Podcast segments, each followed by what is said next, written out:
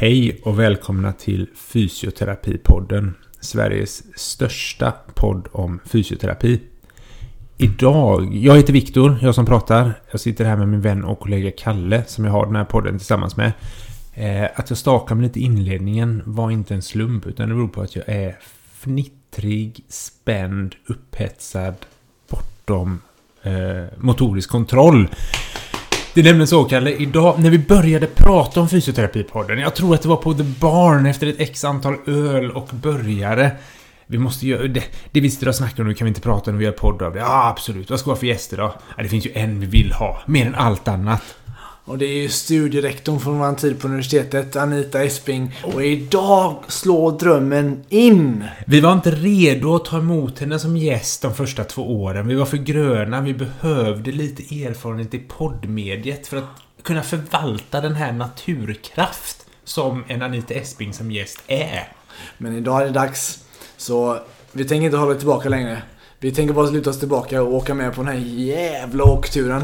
Ja, alltså det, det. Nej, snacka om... eh, Ja, naturkraft. En kvinna med stor erfarenhet, mycket åsikter och jävligt många kloka, inte alltid bekväma åsikter om fysioterapi. Och en sjuk jävla drivkraft för, yr- för yrkeskåren. Något som vi alla ska inte bara beundra utan anamma i oss själva. Eh, Med dessa ord så tycker jag att vi säger... eh, Håll i er, nu kör vi! Fysioterapipodden. Like oss överallt. Här är Anita Esping. Då börjar vi direkt med en faktaruta. Eh, Namn, Anita Esping, ålder. 71 år. Eh, Varför valde du att läsa till fysioterapeut? Eller? Därför att jag var mycket intresserad av idrott. Och speciellt då friidrott som jag ägnade mig åt. Och där såg jag en hel del skador. Så jag tänkte, det här är nog något yrke för mig. Att ägna, att ägna mig åt lite rehabilitering. Och på den vägen blev det. Var läste du någonstans? Jag läste här i Göteborg. I Göteborg, ja. Eh, när var du färdig? Jag gick ut 1972, december. Var det tvåårigt på den tiden? Eller var det... Tvåårig, tvåårig utbildning, ja. Det. Och under din tid både som verksam fysioterapeut, sjukgymnast men även i yrkeslivet efteråt. Har du någon liten pinsam eller dråplig historia? Det kan vara patient, kollega, elev, vad som helst. Ja, jag har en, en, eh, en patient som jag hade i ganska unga år som kliniker. Och det var en man som eh, jag fick via en, eh, då, eh, från en chefsdoktor här i stan. Och sjukgymnasten på enheten hade inte möjlighet att göra en ryggbedömning så han ville att jag skulle göra den här ryggbedömningen. Han kom till mig 7.30 på mottagningen, oerhört stressad. Och som jag sa då att vi går in här min på min expedition och så pratar jag lite med det och sen så går vi in i, min, i min, min, min, mitt eh, undersökningsrum.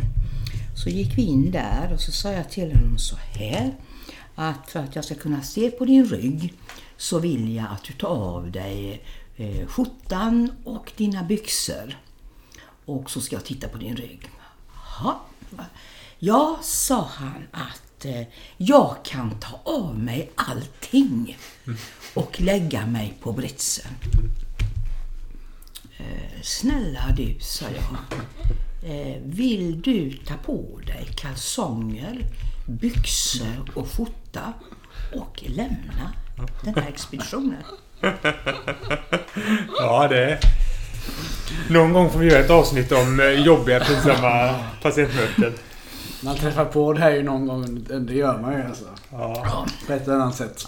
Sen, sen hade jag en rolig eh, historia på eh, utbildningen. Det var en man som ringde och sa Hej, är det, är det studierektorn? Ja, det är det, sa jag. Jag chef i Borås, min fru chef också i sjukvården. Vår dotter vill bli sj- sjukgymnast i, i Sverige. Hon går i Polen. Kan vi få träffa dig? Självklart, sa jag, får ni träffa mig. Eh, ta gärna med dottern. Ja, det är lov snart, hon kommer hem. Och så kom paret. Och så hade de en resväska med sig. Och i denna resväska så var det en silkesgåm som de skulle ge mig som muta om jag tog in dottern på sjukgymnastutbildningen i Göteborg. Jag berättade klart och tydligt att eh, Tyvärr, eller tyvärr ska jag väl inte säga, men så här gör man inte i Sverige. Vi, vi, man kan inte mutas in.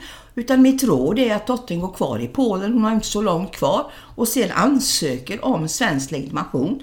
Och är hon svenska, så är det ju, kan svenska språket, så är det ju ingen svårighet för henne att avlägga eh, den eh, examinationen. Ja, förstår. Tack.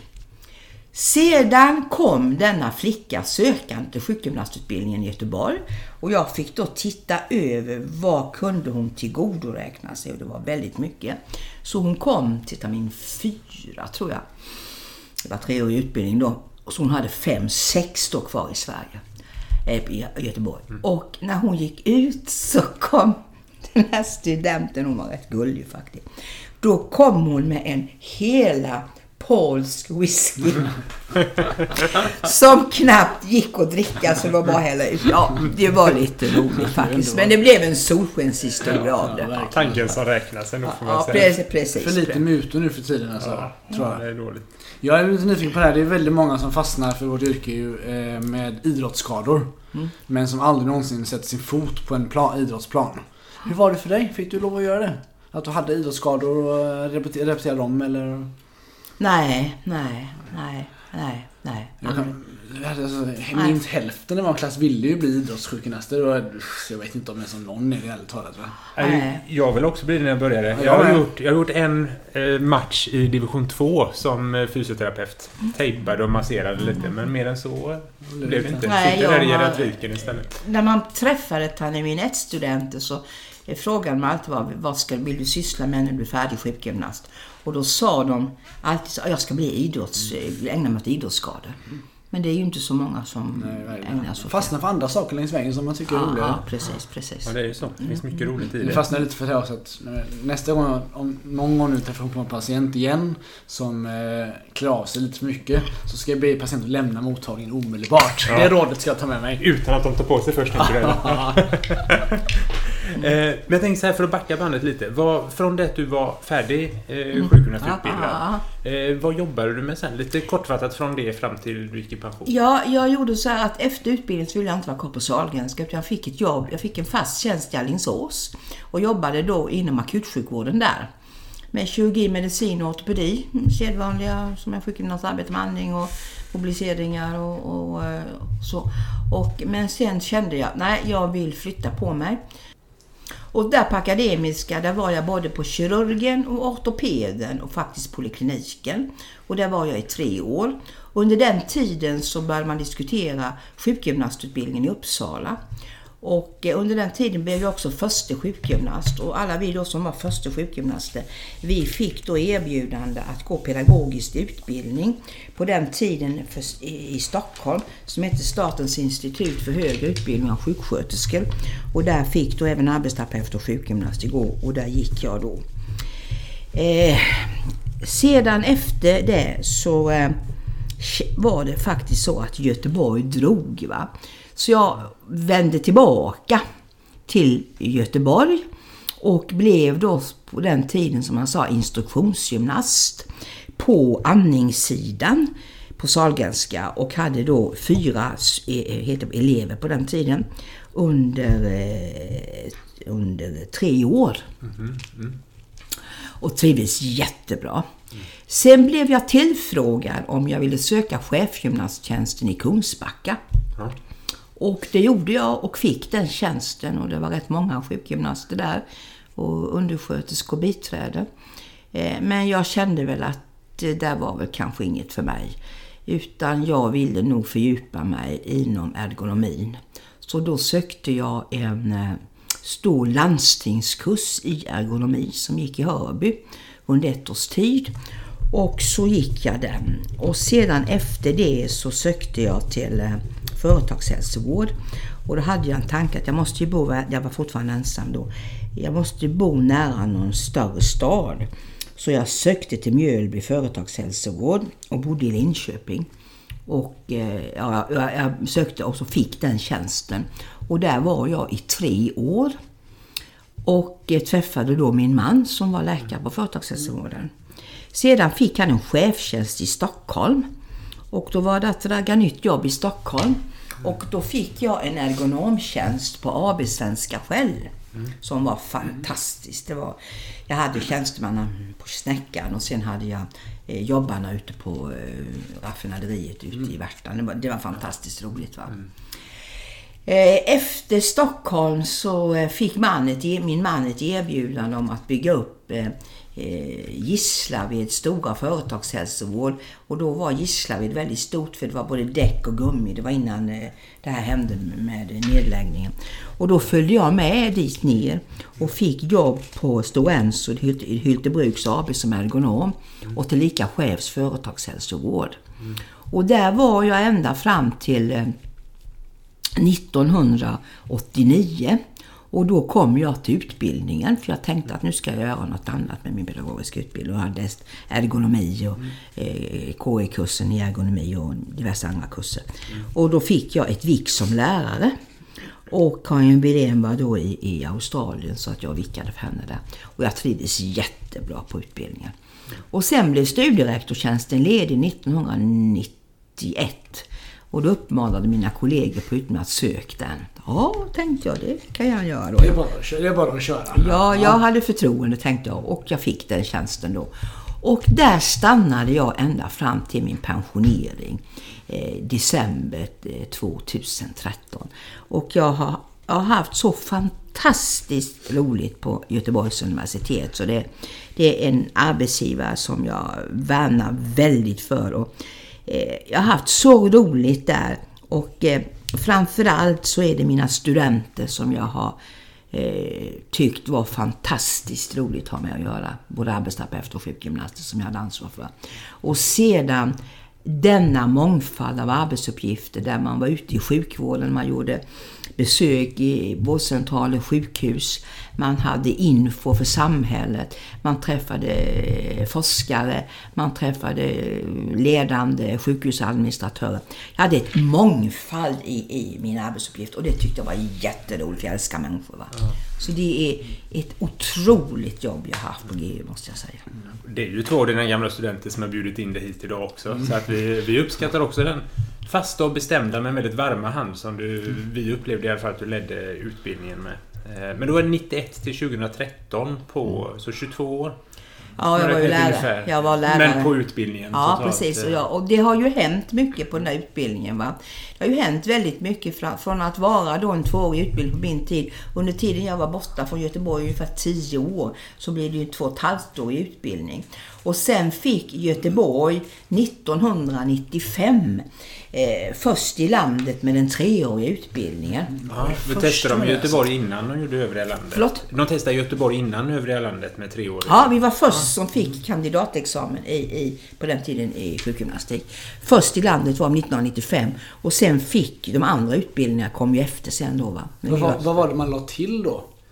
När det blev treårigt? Ja, man kan väl säga att man la ju till, eh, man la ju till mer vetenskaplig metodik. Och sedan också examensarbete. För det var ju inte när man gick två och ett halvt och det var bara fem minuter, det blev tio, tio poäng. Numera är det ju, eh, nu var ju eh, tio, nu är det ju eh, så att säga, nu är det ju 20 HP va. Man räknar på andra Man, man räknar på andra sätt. Kör- ja, det, är ju, det är ju en termin idag. Mm. Men jag tänkte för, för att backa lite. Det här kommer bli ett sånt avsnitt till er som lyssnar. Det kommer vara lite hoppigt för det är så mycket olika saker vi vill fråga om. Men jag tänkte när du beskrev din karriär här så har det varit väldigt många olika uppdrag. Eh, och jag tänker att många idag som lyssnar kanske är så att de, de har någon tanke om att de vill göra karriär och inte vill jobba som kliniker hela livet. Så. I början har du haft liksom en plan med vart du har velat och tagit uppdrag som varit strategiska för det? Eller har det varit lite mer lustdrivet? Att oj, nu blev det en öppning där, nu hoppar jag på Nej, den. jag eller säga, hur, nej, hur jag du kan ju säga till det att det var lustigt. Eh, det var alltså lusten som fall in att jag är väl en som ville testa något annat. Va? Jag hade inget mål. Jag hade inget mål.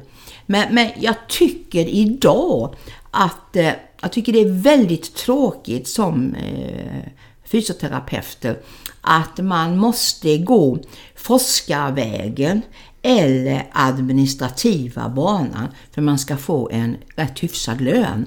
Jag tycker ju att man ska kunna ha karriär eh, möjligheter i praktisk fysioterapi. Va? Det måste vi bygga upp va? för att eh, man ska kunna vara duktig kliniker och ha en bra lön. Man ska ju inte behöva disputera kanske och gå till eller fysioterapiutbildningen eller satsa på administrationen som är mer välbetald. Nej, det är, och det är ju dumt för det blir också att man straffar bort en del väldigt duktiga kliniker visst. från kliniken bara för att det är enda vägen till en, till en bra lön eller en karriär. Ja, Nej, det... Och vi måste, ha, vi måste satsa på eh, karriärtjänster inom klinik. Va? Och, och, och då tycker jag faktiskt att då måste man ha, åtminstone på universitetssjukhusen, då måste ribban ligga rätt så högt. Man måste vara magisterutbildad.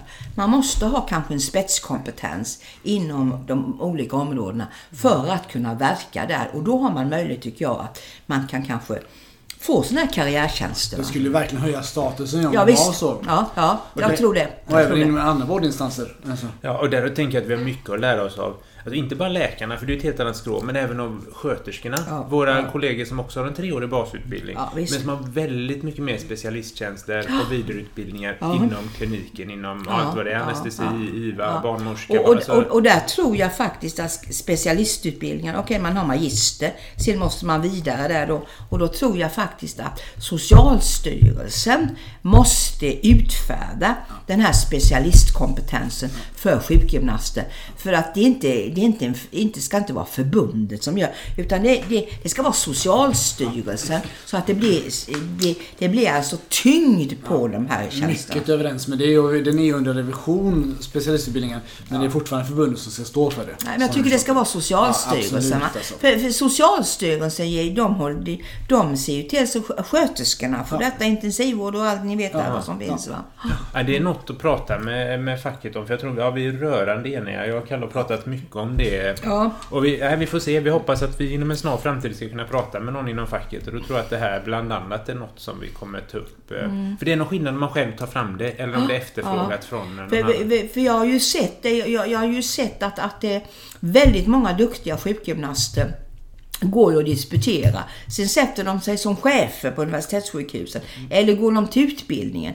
Och många av de här behövs ju för utveckling inom mm. sina discipliner I, på, i kliniken. I kliniken ja. ja. Mm. De ska ju vara i frontlinjen där. De ska inte behöva gå till utbildningen. Man kan ha med kombinationstjänster men de måste, man måste vara på, man måste ha kli, klinik. Va? Hur var det med de här första sjukgymnasterna? Jag har inte hört om det så mycket senaste åren. Det fanns när vi gjorde praktik var det många som var första sjukgymnaster. Men jag vet inte om det, om det finns kvar längre, jag vet faktiskt inte. För det är ju ett litet, litet hack upp på något sätt då. Ja, det var ju på min tid. Men det, ja. det var ju, det, då var man ju lite arbetsledare och så var man ju klinik. Men, men, men jag tror ändå att man måste bygga på att man måste ha... Eh, man måste vara mycket kliniskt arbete. Ja. Det får inte bli att man sitter med papper Nej, för tar man, man kan inte vara bra på allting samtidigt. Nej, nej. Jag, jag har ju ett stort intresse för organisation va? Och, arbets, och, och därav var jag ju de här åren på utbildningen för jag tyckte att jag hade mycket att ge där. Jag tyckte det var väldigt roligt. Va? Och jag har ju tankar hur jag skulle vilja lä lägga om sjukgymnastutbildningen idag om jag fick göra det själv. Mm. Ja. Vi, vi tror, jag tror faktiskt vi ska, den ska vi spara som avslutningsfråga. Ja, det, ja, den, vi, det den vill vi inte hasta förbi. Utan den vill vi kunna den vill lägga... grotta ner oss rätt rejält faktiskt. Och den, jag tänker att vi, vi ska inte stressa idag. Utan idag, idag tar vi det lugnt så vi får verkligen eh, mm. klargjort eh, mm, mm, alla saker. Um, men eh, apropå det här med förstgymnast. Du vet att på Akademiska så var du förstgymnast. Mm, mm, Vad innebar det i praktiken då? Eh, förutom hade, den vanliga kliniska delen? Jag hade åtta timmar administration med, med arbetsledning då för eh, ortopedkirurgiska blocket. Och sen skulle jag då också verka för fortbildning. Eh, fortbildning. Och sen så skulle man också vidareutveckla, vidareutveckla kliniken när det gäller då ortopedkirurgiska frågor. Mm. Och där arbetade jag väldigt mycket med eh, den medicinska fakulteten och doktorerna. Så eh, sjukgymnasterna där på den som det hette då. Eh, vi gick väldigt mycket på, vi fick vara med doktorerna väldigt mycket på deras vidareutbildningar teoretiskt. Och sen så applicerade vi en hel del av detta praktiskt sen. Va? Mm. Men vi hade, ju inget, vi hade ju inget annat att hänga på. Va? Mm. Utan det var läkarna vi fick eh, göra. Och väldigt många av oss sjukgymnaster vi fick ju då gå läkarkursen bland annat i ortopedi även om man inte var eh, medicine kandidat. Utan vi hade lite dispens på detta på den tiden. Va? Nej, men jag tror just att den, den typen av tjänster, kanske utan det just administrativa, men att vara lite ledande, är lite det som vi efterfrågar av de här inom kliniken som är lite vidareutbildade och duktiga. Som kan, mm. När det kommer nyanställda så har man någon som leder det arbetet framåt och ja. driver det. Mm. Men jag tror lite samma där, precis som det är med, med specialistexamen, att det behöver komma från Socialstyrelsen. Den här typen av tjänst måste efterfrågas av mm. arbetsgivaren. Precis. Vi kan inte i arbetsgruppen skapa den åt oss själva. Nej, för då kommer det aldrig belönas av arbetsgivaren med nej. lön eller tid att göra de här mm. uppgifterna. Nej. Utan vi måste lobba från andra hållet så att ja. arbetsgivaren förstår det. Precis som att om man ska läsa en master det ska inte bara bekostas av dig själv på din fritid nej, för nej. att få en tjänst, utan det ska arbetsgivaren också efterfråga och delvis i alla fall betala, och, och, och, precis som för sköterskor. Och, du måste alltså lite sälja in dig, som jag säger, på, på sjukhus eller vårdcentraler. Så att vi måste tala om, vad gör vi? Sjukgymnast är inte lika med sjukgymnast. Va? Mm. Det, vi har ju en, en en, en, en ofantlig kompetens. Va? Men där är det ju lite, tycker jag, att sälja in sig. Va? Och eh, det, det, det, måste vi börja. Vi måste kunna prata med politiker. Vi måste kunna prata med de här som är chefer och sälja in oss där. Va? Det, är ju faktiskt det det handlar om, verkligen. Vi måste sälja ja. in oss, för vi har väldigt mycket att ge. Va? Jag blev jätte eh, eh, illa berörd när min man låg på Sahlgrenska universitetssjukhuset. Där det står på kardiologisk klinik, sjukgymnast vid behov. Det är väl alltid ett behov tänker jag spontant. Ja. Ja, då, då, då, då, då har vi väl tappat något. Ja. Verkligen. Ja. Och jag, jag, tänker att det där är något vi måste vara bra på just att våga säga det. Jag vet för, för några veckor sedan nu så var jag inne på utbildning och hjälpte till med lite praktiska moment. Och då pratade jag med eleverna om det. Så sa, det var bland annat mobilisering efter kirurgi. Och så, och så att när vi kommer och ska mobilisera den här patienten så är det viktigt att vi lyckas. För om inte vi lyckas, då kommer ingen lyckas. För det här är vi bäst på. På hela den avdelningen så är det vi som är bäst på detta. Vi måste våga slå oss för bröstet och säga det. Mm. Att ja, men det här är faktiskt vår expertis. Det finns ingen som kommer kunna göra detta vi gör. Att, att våga stå för den kompetensen. Och kan man det så kan man ju också ja. börja begära och sälja in sig. Men man kan inte sälja in något man inte tror på. Man nej, måste tro och, och, att vi är duktiga på. Nej, och man måste kanske också visa då att här, här behövs en, en sjukgymnast eller fysioterapeut. Det är det att göra ett gott arbete så vi får förtroende mm, mm. På, på avdelningar eller enheter man är på. Det är jätteviktigt. Va? Ja.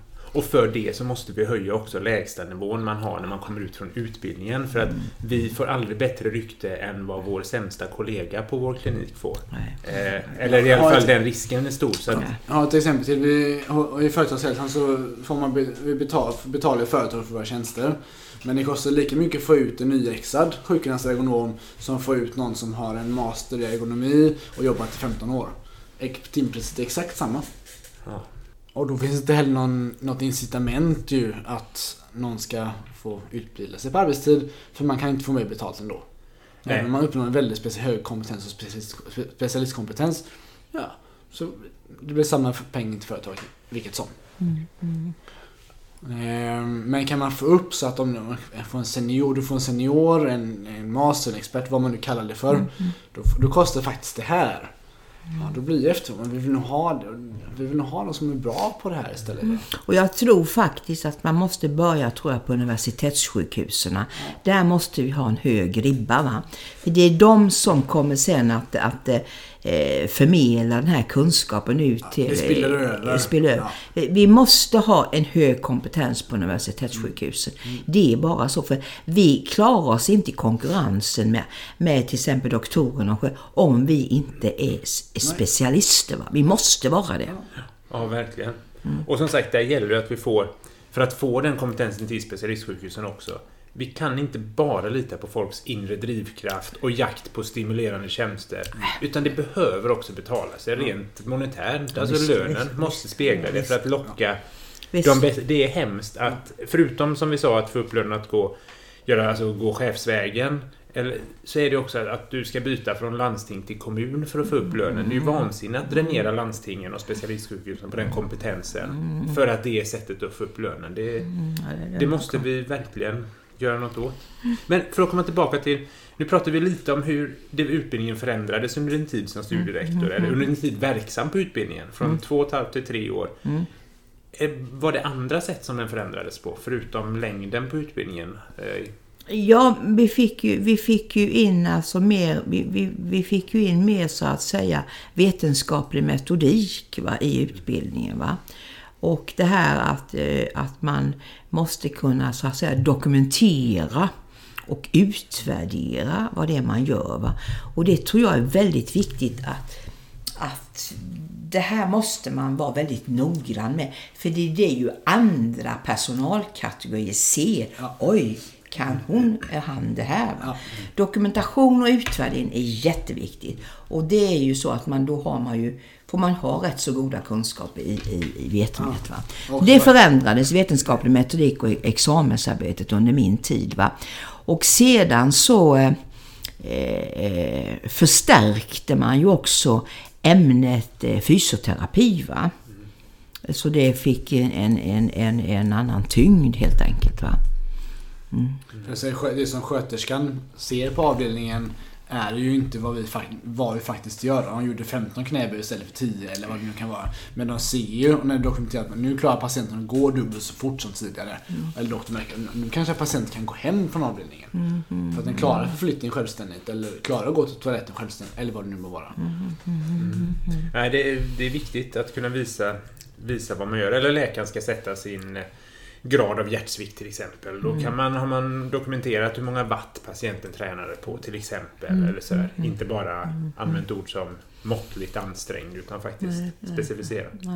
Men under, under din tid som studierektor, vad var det roligaste? Nu var du inne lite innan på det med studenter. Det, men, det, det, det roligaste tycker jag, det, det var, var mina studenter. Men sen är det också den här, eh, det här kontaktnätet man får som studierektor. Dels med andra sjukgymnastutbildningar i landet och också eh, sjukhus, eh, eh sjukvårds, eh, sjukvårdspersonal, eh, arbetsledande funktion inom hälso och sjukvården på såväl sjukhus, vårdcentraler, där jag hade, jag hade ju då, jag reste ju eh, ut och följde upp studenterna och då träffade man ju alltid chefssjukgymnast och ansvarig doktor och studenterna. Va? Och det var, gav jättemycket. Det är stora skillnader att jobba till exempel i Lilla Edet som, som fysioterapeut eller om du jobbar på Sahlgrenska universitetssjukhuset. Va? Så den här mångfalden, att, att, att träffa alla de här människorna i alla disciplinerna, det tycker jag var jätteroligt.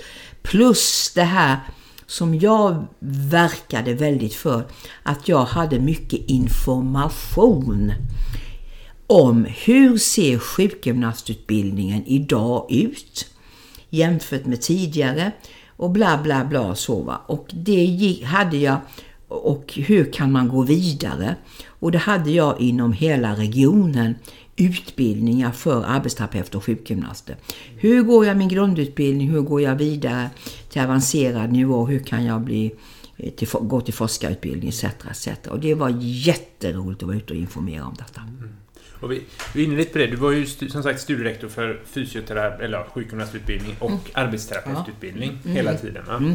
Eh, vad skulle du säga, för det är också sånt när man är ute, att det är ju väldigt, det är ju sammanflätade yrken på många sätt och finns ett visst överlapp i det. Men vad skulle du säga, en tvådelad fråga, vad, vad skulle du beskriva som den största skillnaden på jag vill säga, vad är den största skillnaden mellan yrkena? Inte specifikt arbetsuppgifter, men kring vilken plats man har på sjukhus, vilken framtid det finns för yrkena och hur... Ja, jag skulle ju vilja säga det. Det är hemskt att säga, men eh, när jag började på utbildningen så hade väl inte arbetsterapeuterna den eh, rollen på sjukhusen och vårdcentraler.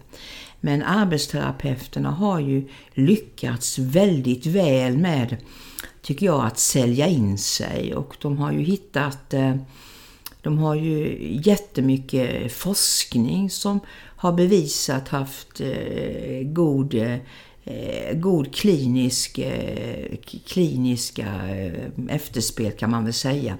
Så arbetsterapeuterna vill jag säga har samma status som vi sjukgymnaster har idag. Va? Så var det ju inte när jag gick ut utan då hade ju sjukgymnasterna ett helt annat status än arbetsterapeuterna och där har de kommit, kommit ikapp oss där. Va? Skulle du säga att vi har stått still och de har kommit ikapp? Eller har de ökat sig och vi har sjunkit i status också? För att? Ja, ja, vi, vi, vi vill väl säga att vi har stått stilla. Va? Vi, har, vi har stått stilla. Vi, ja, ja, vi har stått stilla helt enkelt. Jag hörde, om, jag hörde om en stor, stor litteraturöversikt idag som handlar om akut ryggsmärta. Så det diskuteras i en annan podd faktiskt som precis har kommit. Men, och där står det att all, all sjukgymnastintroduktion är meningslös. Det spelar ingen roll vad du gör överhuvudtaget. Fine. Problemet är att forskningen är ganska dålig. Låg till måttlig kvalitet på hela forskningen. Och då sitter några den här podden och beskriver att men då gör vi ingenting då. Då gör vi ingenting, för ingenting, ingenting vi gör har effekt, spelar ingen roll. Och det är så här igen, som vi säger, bra arbets, arbetsterapeutisk forskning som faktiskt visar att det här händer grejer. Som sjukdomsforskning ofta misslyckas med. Så, de studierna jag läser i alla fall. Nej, men de har, eh, de har alltså kommit ikapp oss och det är bara att gratulera. Det är jättebra jobbat. Det, det är Verkligen, väldigt det är bra jobbat. Va? Och vi, Verkligen. vi måste ju kanske börja, eh, börja och, vi kan inte bara glida runt. Va? Utan vi måste börja tänka Mm. till och sälja in oss. För vi är som yrkeskår oerhört duktiga. Va? Men vi måste ju prata för varan. Det. Ja, verkligen. Och, vad kom, för jag delar verkligen uppfattningen att vi inte... Vi pratar inte om vår kompetens tillräckligt. Men Nej. vad, vad beror det på, tror du? Att vi inte gör det som, som grupp?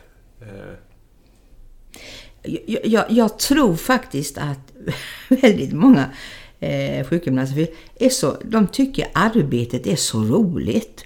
Det är så roligt med patientarbete och det är så roligt att ha patienter. Och, och, och det är fullt tillräckligt och sen, ja, man är inte intresserad av det andra helt enkelt. man är nöjd med det man har. Man man är nöjd med det man för patienterna tycker man är hela tiden i centrum. Va? Och det är väl riktigt att tycka så, men vi måste tänka ett steg till. Att vi måste, vi måste vidareutveckla oss. Va? Vi kan inte bara gå och stampa med ett patientarbete. Inte, va?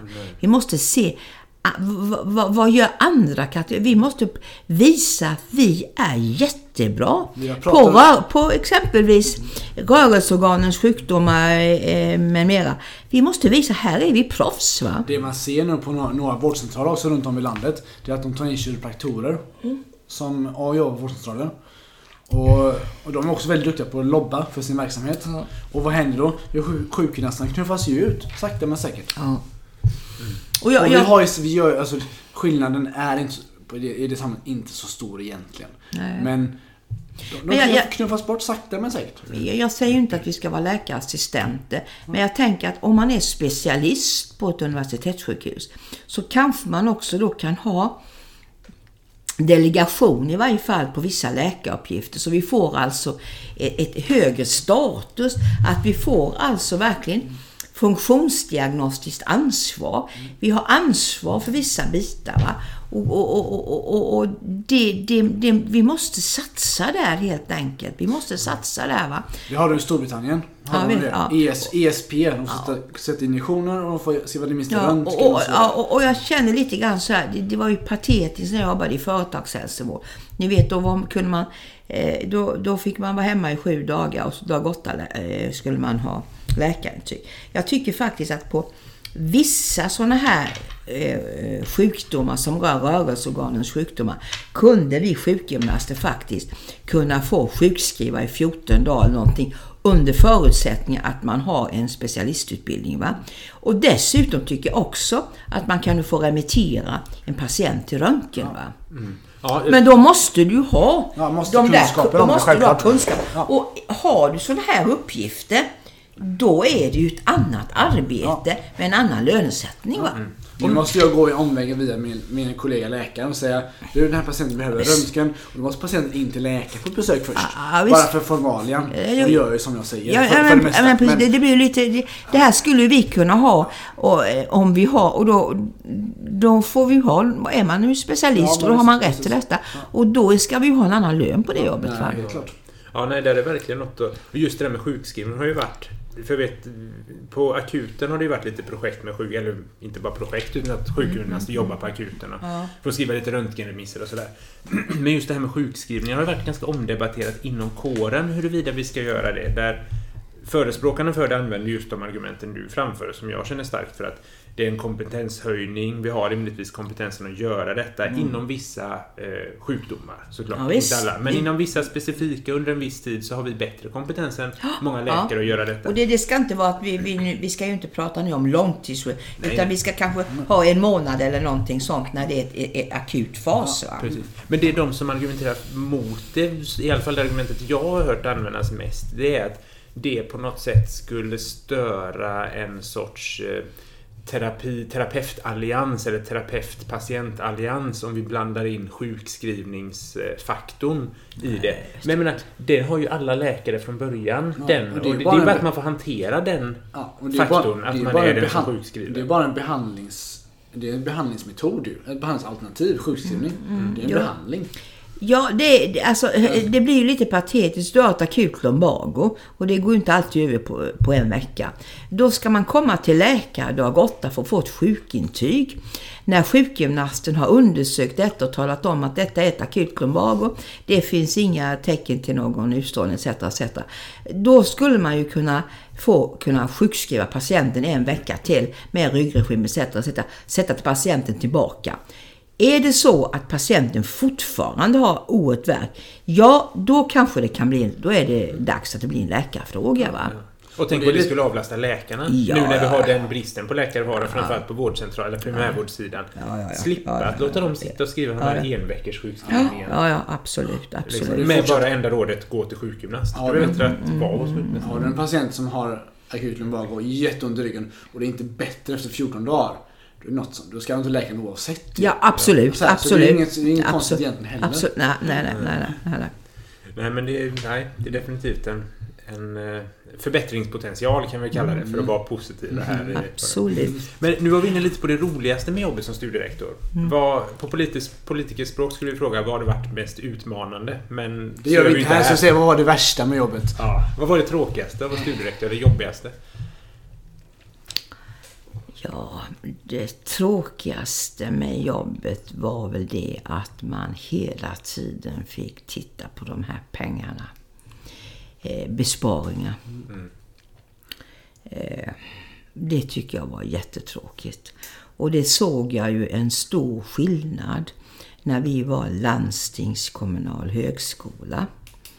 Då eh, hade vi väsentligt mer pengar. Och sedan gick vi då in i staten första juli 1998. Då var vi inne i stora GU-apparaten och då är det så mycket kostnader som gick till och, och lokaler och vi ska overhead hit och overhead dit och vi fick betala dyrt för föreläsare. Så det blev ju tyvärr inte så där väldigt mycket kvar i, i, till själva fysioterapi. Va? Och det, det tyckte jag var väl, är väldigt, väldigt tråkigt. Va? För att, eh, jag tycker att är man, är man som man säger på Göteborgs universitet, oavsett om jag anlitar en, en professor i medicin eller en professor i psykologi, så skall det vara rimlig kostnad när den går till utbildningen. Det ska inte adderas på en massa kostnader och overheadkostnader så det kanske kostar 3000 i timmen att ha en professor och då blir det galet. Va? Som redan är anställd på Så universitetet. är det en anställd. Och där måste man, tror jag, titta över att man kan gå smidigt. Och, och, och det har jag alltid...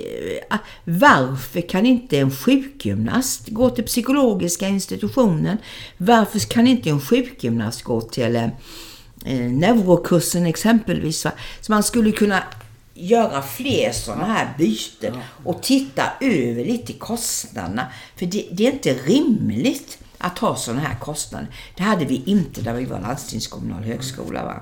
Det motverkar ju sitt syfte. Ja. Kompetensspridning. Ja, men, men, men se- sen är jag väldigt för att vi, vi gick in i universitetet 1 juli 1998. För då blev utbildningen akademi, akademiserad. Vi fick en akademisk och en akademisk utbildning till lika en yrkesexamen som var eh, på den nivån. Va? Och det är ju väldigt positivt. Det höjde ju statuset för kåren. Va? Det kommer vi inte ifrån. Va?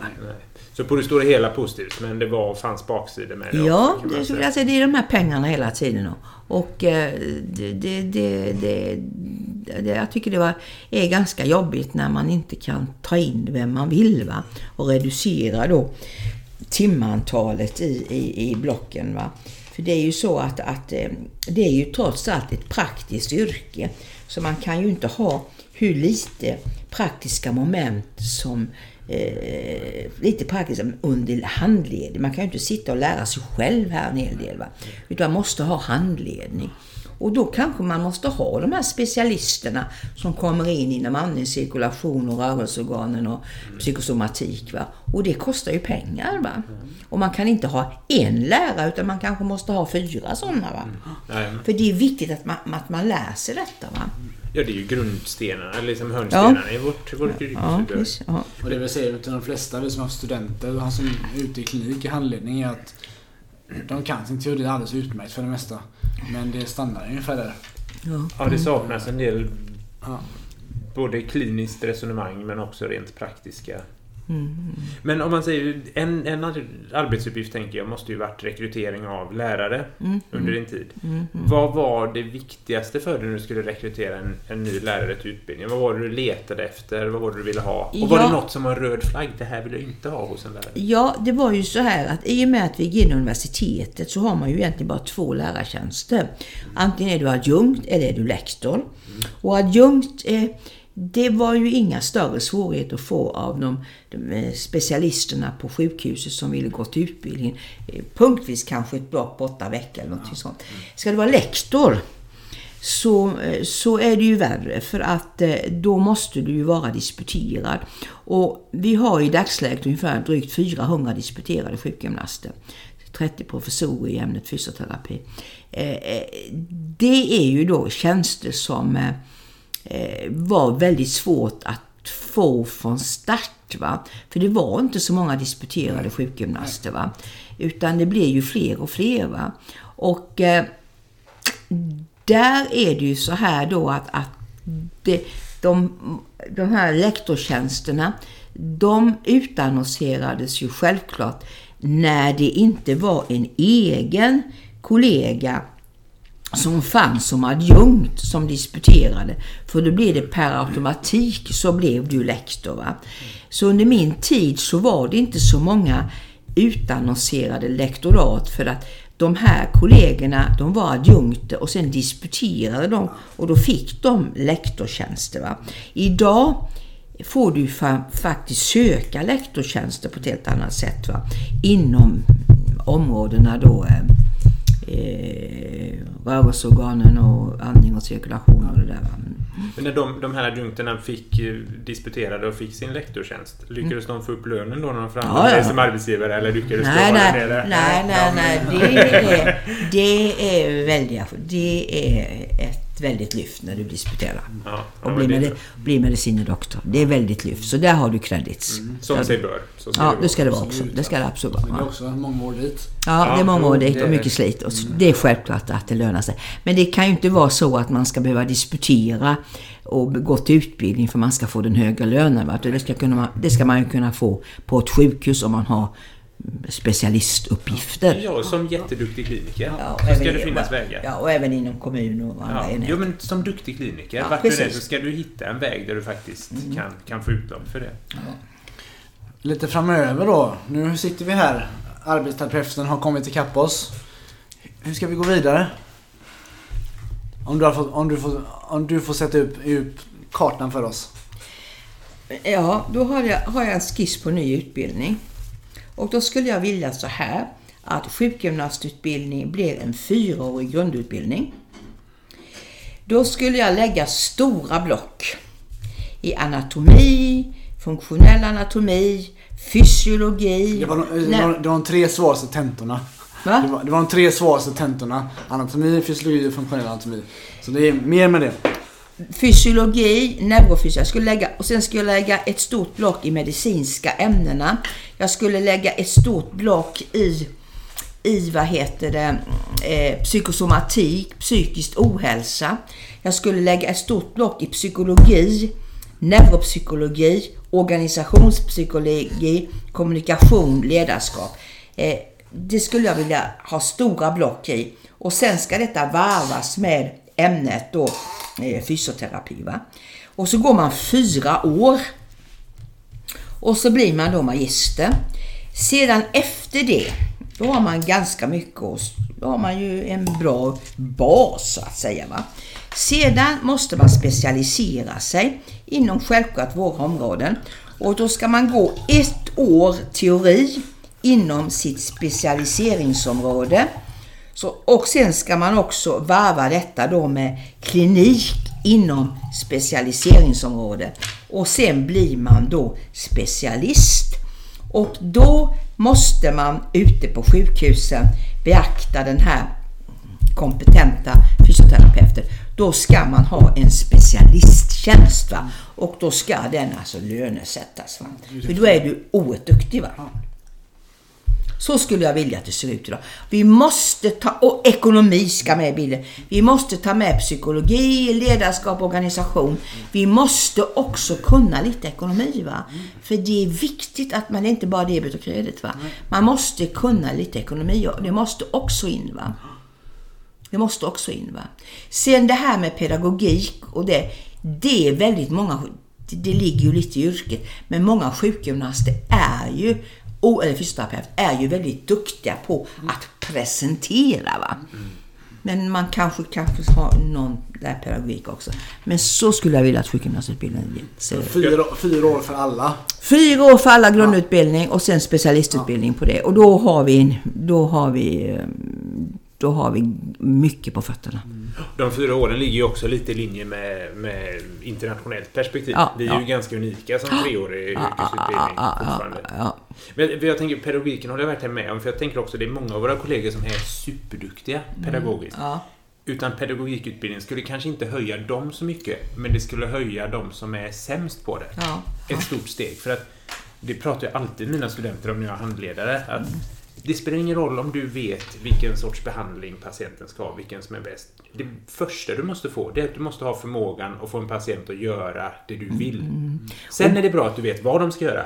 Men hur mycket du än vet, om de bara känner att du är osympatisk, en hurtig jävel som kommer in och inte vet vad det handlar om. Så spelar det ingen roll om du Nej. vet om det ska vara 10 eller 15 Ni knäböj. håller väl ändå med om att sjukgymnast eller fysioterapijobbet, det är ett pedagogiskt arbete? Till Tveklöst. väldigt stor absolut. Alltså. Ja. Och kan du inte förmedla ditt budskap till patienten, till, till eh, din grupp eller vem Eller vad det nu må vara. Ja, så, så är du ju körd. Ja, men då kommer, kommer Nej, ingenstans. nej, nej, nej. Ehm, Så det är otroligt viktigt ju. Ja, det är det. Och det är en träningsbar färdighet. Det, ofta anses det lite så här nästan, jag ska inte säga mytiskt, men vissa har det, vissa har det inte. Det är skitsnack tycker jag, men alla kan lära sig det. Hand, hand, handfasta tips. vad man gör för att... Och, och sen tycker jag faktiskt också, nu har jag lite mer politiskt också, sen tycker jag faktiskt också att vi är, om man tar till Göteborg så är vi knappt, eh, vi är väl ungefär 100 000 65-plussare. Man måste också titta på den här äldres hälsa. Va? För där, det är bortglömt och där är, har vi tyvärr alldeles för liten roll. Va? Där måste vi alltså stärka upp det här med äldres hälsa. För det har vi väldigt mycket att ge. Såväl i hemtjänst, hemsjukvård, korttidsboende. Och även se till så att när man söker till exempel som äldre då, ska jag till trygghetsboende? Ska jag, korttidsboende eller något annat, ska jag till, ska jag eh, eh, bo kvar i mitt hem? Man måste kunna ha ett bollplank där och där tror jag sjukgymnasten kan vara fantastiskt att leda eh, till rätt boendeform utifrån de medicinska kunskaper vi har. Va? Det, det, det, det tror jag är jätteviktigt. Att vi kan, det är jätteviktigt att en sjukgymnast är med där. Va? Och att våga tänker jag där. För jag, det upplever jag med, Jag jobbar som sagt på, på ett korttidsboende och har jobbat inom geriatriken större del av min karriär. Att, att våga använda den kompetensen. Att våga säga till en patient med, vad ska vi säga, eh, Parkinson. Haft det kanske tio år mm. sen, sen diagnos. Man märker att det börjar bli lite värre. Och så kommer de till en med förhoppningen nu ska jag träna upp mig. De mm. tycker man är sympatisk. Du, du kommer kunna träna upp mig så jag blir jätteduktig. Fixa, fixa det här. Liksom. Att då liksom våga säga att ja, träningen är superviktig men det handlar kanske om att bibehålla. Bor du i det där Villa Villekulla-huset med tre mm. plan och just ja, nu kan du kämpa dig upp för trappan och vi tränar jättehårt för att du ska klara det mm. ett halvår till. Mm. Men du kommer inte du kanske ska börja se dig om efter ett alternativt mm, och, där, där tror jag... och du ska tänka på det här. Mm. Men det kräver både kunskap men också rätt mycket mod tror jag. Ja. Jag tycker att vi är och ganska där, konflikträdda som sjukgymnaster. Ja, och där, där, tror jag, det ser jag med, med, min gamla pappa där, ser jag ju att hur, hur, hur hur vad heter det, mycket man kan bidra där som sjukgymnast alltså. Eh, för att få rätt vårdnivå. Va? Man måste ju ha rätt nivå. Alla ska inte till ett äldreboende. Man kanske ska bo kvar hemma. Man kanske ska till ett trygghetsboende. Men man måste presentera valmöjlighet för den där äldre människan. Och här i Göteborg kan jag ju säga saknas ju över 400 Eh, äldreboenden, ja, jag förstår, äldrevårdsplatser. Jag förstår inte hur man ska lösa detta. Och nu vet ni, nu har ju regeringen gett 4 miljarder till äldrevården. Ja, det är väl jättebra. Men man måste ju använda de här pengarna, öronmärk dem då till äldre, höj kompetensen på väldigt många befattningshavare där. För annars kommer det inte att gå. Nej, nej. nej verkligen. Och jag tror också att vi, en utmaning förutom Alltså med, med den här stora vågen av äldre som du pratar om. Förutom att de är många rent kvantitativt. Så får vi också förstå att skillnaden mellan en 30-talist och en 40-talist mm. och ännu mer kanske 50-talisterna när de mm. börjar komma mm. är ju deras kravbild. Nu möter vi ju dem som anhöriga.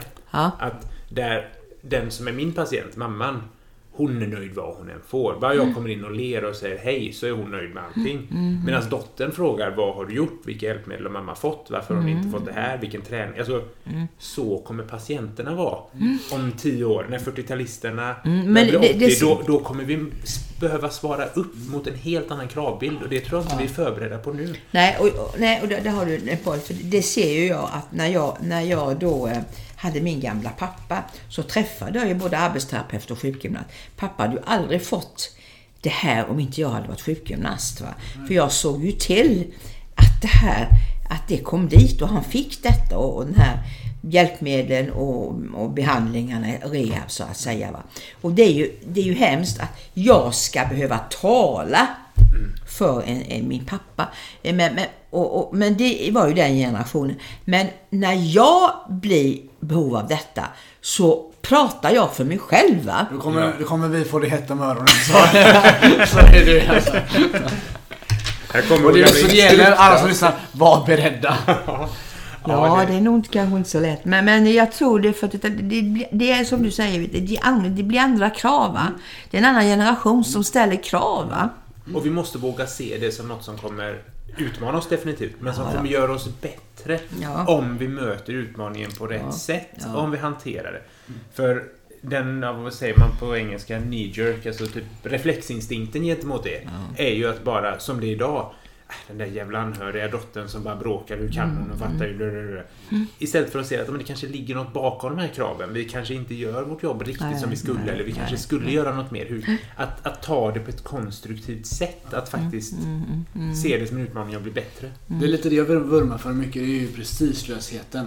Att ta kritik, att ta kritik på ett sätt som gör att man ja, men det här kan användas att bli, bli bättre. Det är inte riktigt mig som person. Det är bara att det här kan jag ta till mig och göra bättre på något sätt. Ja. Mm, mm, mm, mm. inte vara så rädd för att få kritik nej, nej. i sitt jobb. Nej. Hemma är något helt annat. Är något helt annat. Men, men, men i sitt jobb. Men att våga ställa krav på sitt jobb, jag tänker inom internt när man diskuterar både med, med fysioterapeutkollegor men också med, på en enhet man är med arbetsterapeut, undersköterskor, sköterskekollegor. För det är det värsta jag vet på jobbet. Det är när en patient kommer med ett klagomål, inte mot mig, men mot det vi presenterar som vård. Och jag håller med om det. Jag kan känna att men det här är alldeles för dåligt. Du har fått alldeles för dåligt synkad vård. Det har inte varit någon kommunikation. Det vill man ju inte hamna i och sättet att undvika att hamna i det är ju på att de i fikarummet, på morgonmöten och så vidare faktiskt jag ska inte säga ställa varandra till svars för det låter alldeles för hårt. Men, men att våga ifrågasätta varandra. Att ha det högt i tak så att man kan säga till sköterskan var, hur, tänkte, hur tänkte du när, när ni gjorde denna medicinska ändringen? Eller, Mm. Eh, nu sitter jag på en vårdplanering och patienten kan inte komma hem fast de egentligen kan det för att de säger att de kissar fem gånger på natten. Och så Mm. Ja, men- får de vätskedrivande klockan åtta på kvällen istället för åtta på morgonen. Hur har vi tänkt här? Har vi inte funderat på hur det ska vara hemma istället för här? Alltså, Ja, nej, att nej. våga ifrågasätta varandra på ett bra sätt. Ja, och, och sen mm, tycker jag faktiskt i alla vårdplaneringar som sker på sjukhusen måste man ha en arbetsterapeut eller både och helst. Men man måste ha någon rehabperson som är med där. För att vi kan inte förvänta oss att sköterskor ska kunna detta. De har inte de kunskaperna som en arbetsterapeut och sjukgymnast har. Va? Eh, Det blir bara galet det hela. Va? Och där har det blivit bättre från kommunens sida. Från kommunen så är det nästan alltid en person från rehab med. Ja, det är från bra. sjukhuset däremot, aldrig. Och det har Nej, nej. varit på de åren jag jobbar på sjukhuset så blir det mindre och mindre. Och idag är det alltid inte ens ansvarig sköterska, utan nu är det en vårdplaneringssköterska. Alltså en sköterska vars enda jobb är att sitta med på vårdplaneringar på en medicinklinik, kirurgklinik. Och bara från journalen inhämta information. Inte ens, inte ens med involverad i involverad i patientens Inte träffa vård. patienten Nej men då hamnar, ju, då hamnar ju den här patienten som ska, som ska hem från sjukhus, då blir det ju fel vårdnivå. Ja, mm, absolut. Nej, det, där, och men där måste vi också, det tänker jag, att det var en diskussion vi hade när jag jobbade på sjukhus. När var, mm, ni får prioritera, när man klagade på att vi har inte tid nog att göra bra jobb. Prioritera bort vårdplaneringar. Ja, men det är ju en jätteviktig del av vårt jobb, att förmedla den här Men, informationen. men det, det är återigen den här sjukgymnasten, vet du, patientarbete, patientarbete, patientarbete, patientarbete. Vi måste lyfta oss. Vi kanske inte alltid kan pr- prioritera patientarbete. Vi kanske ska gå på det där ledningsmötet. Va? Vi kanske ska gå på det där arbetsmiljömötet. Va? Vi kanske ska gå när Försäkringskassan kallar. Va? Vi måste kanske börja och inte alltid pa- pa- ha patienten i centrum utan vi måste faktiskt prioritera om att gå på relevanta möten som, som, eh, som finns på enheten. Det är viktigt va? Ja, det blir väldigt, väldigt kortsiktigt, patienten i fokus. Ja, Patientmötet. Det, Ja, det kanske är det ja, bästa på jo, jo, en jo, jo, jo. 24 timmars sikt. Ja, men det, Men det går ju inte att bara titta 24 timmar fram. Det går nej, inte. Nej, nej, nej, Nej, jag nej, tror nej. du har helt rätt där. Och det, men det, jag tror mycket är en självförtroendefråga också. Att våga ta plats på ledningsmötet. Vad ska jag säga här på det mötet? Ja. Vad, vad kan man fråga mig om? Det kanske är avgörande. Vad du faktiskt sa. Vi jobbar ute med, i tung industri med patienter som, med patienter som har ont, ont i axeln. Det jag säger, det är det som avgör om patienten kan jobba eller inte. Alltså, När och var den kan komma tillbaka till jobbet. Det är ju inte så mycket vad sköterskan eller läkaren säger för det mesta. Utan det är ju faktiskt vad vi som sjukgymnaster, det är vårt utlåtande som väger tyngst där. Ja, visst, visst, visst, visst, visst, visst, visst. Har patienter från sig shoulder så går det inte att jobba över axeln det närmsta året. Nej. Men hon var superspännande av det här Anita. Väldigt roligt att få höra. Både lite historiskt perspektiv och lite framtidstankar. Är det något som vi inte har frågat om nu eller som du känner men det här vill jag verkligen förmedla? Jag antar att vår lyssnargrupp är främst eh, fysioterapeuter. Men någonstans runt tusen fysioterapeuter utspridda i landet. Vad vill du säga till Ja, dem som jag vill det säga här? det att ta för det. Se till att vara i frontlinjen. Prioritera inte alltid patientarbetet. Sätt er i relevanta arbetsgrupper på sjukhus, vårdcentraler, kommuner, var den är någonstans. Det är jätteviktigt att vi tar plats i ledningsgrupper. För där kan du påverka. Med de kloka orden så avslutar vi dagens avsnitt av Fysioterapiden. Fysioterapipodden, fortfarande Sveriges största podd om fysioterapi. Ja, det är vi. Eh, Följ oss på Instagram, Facebook.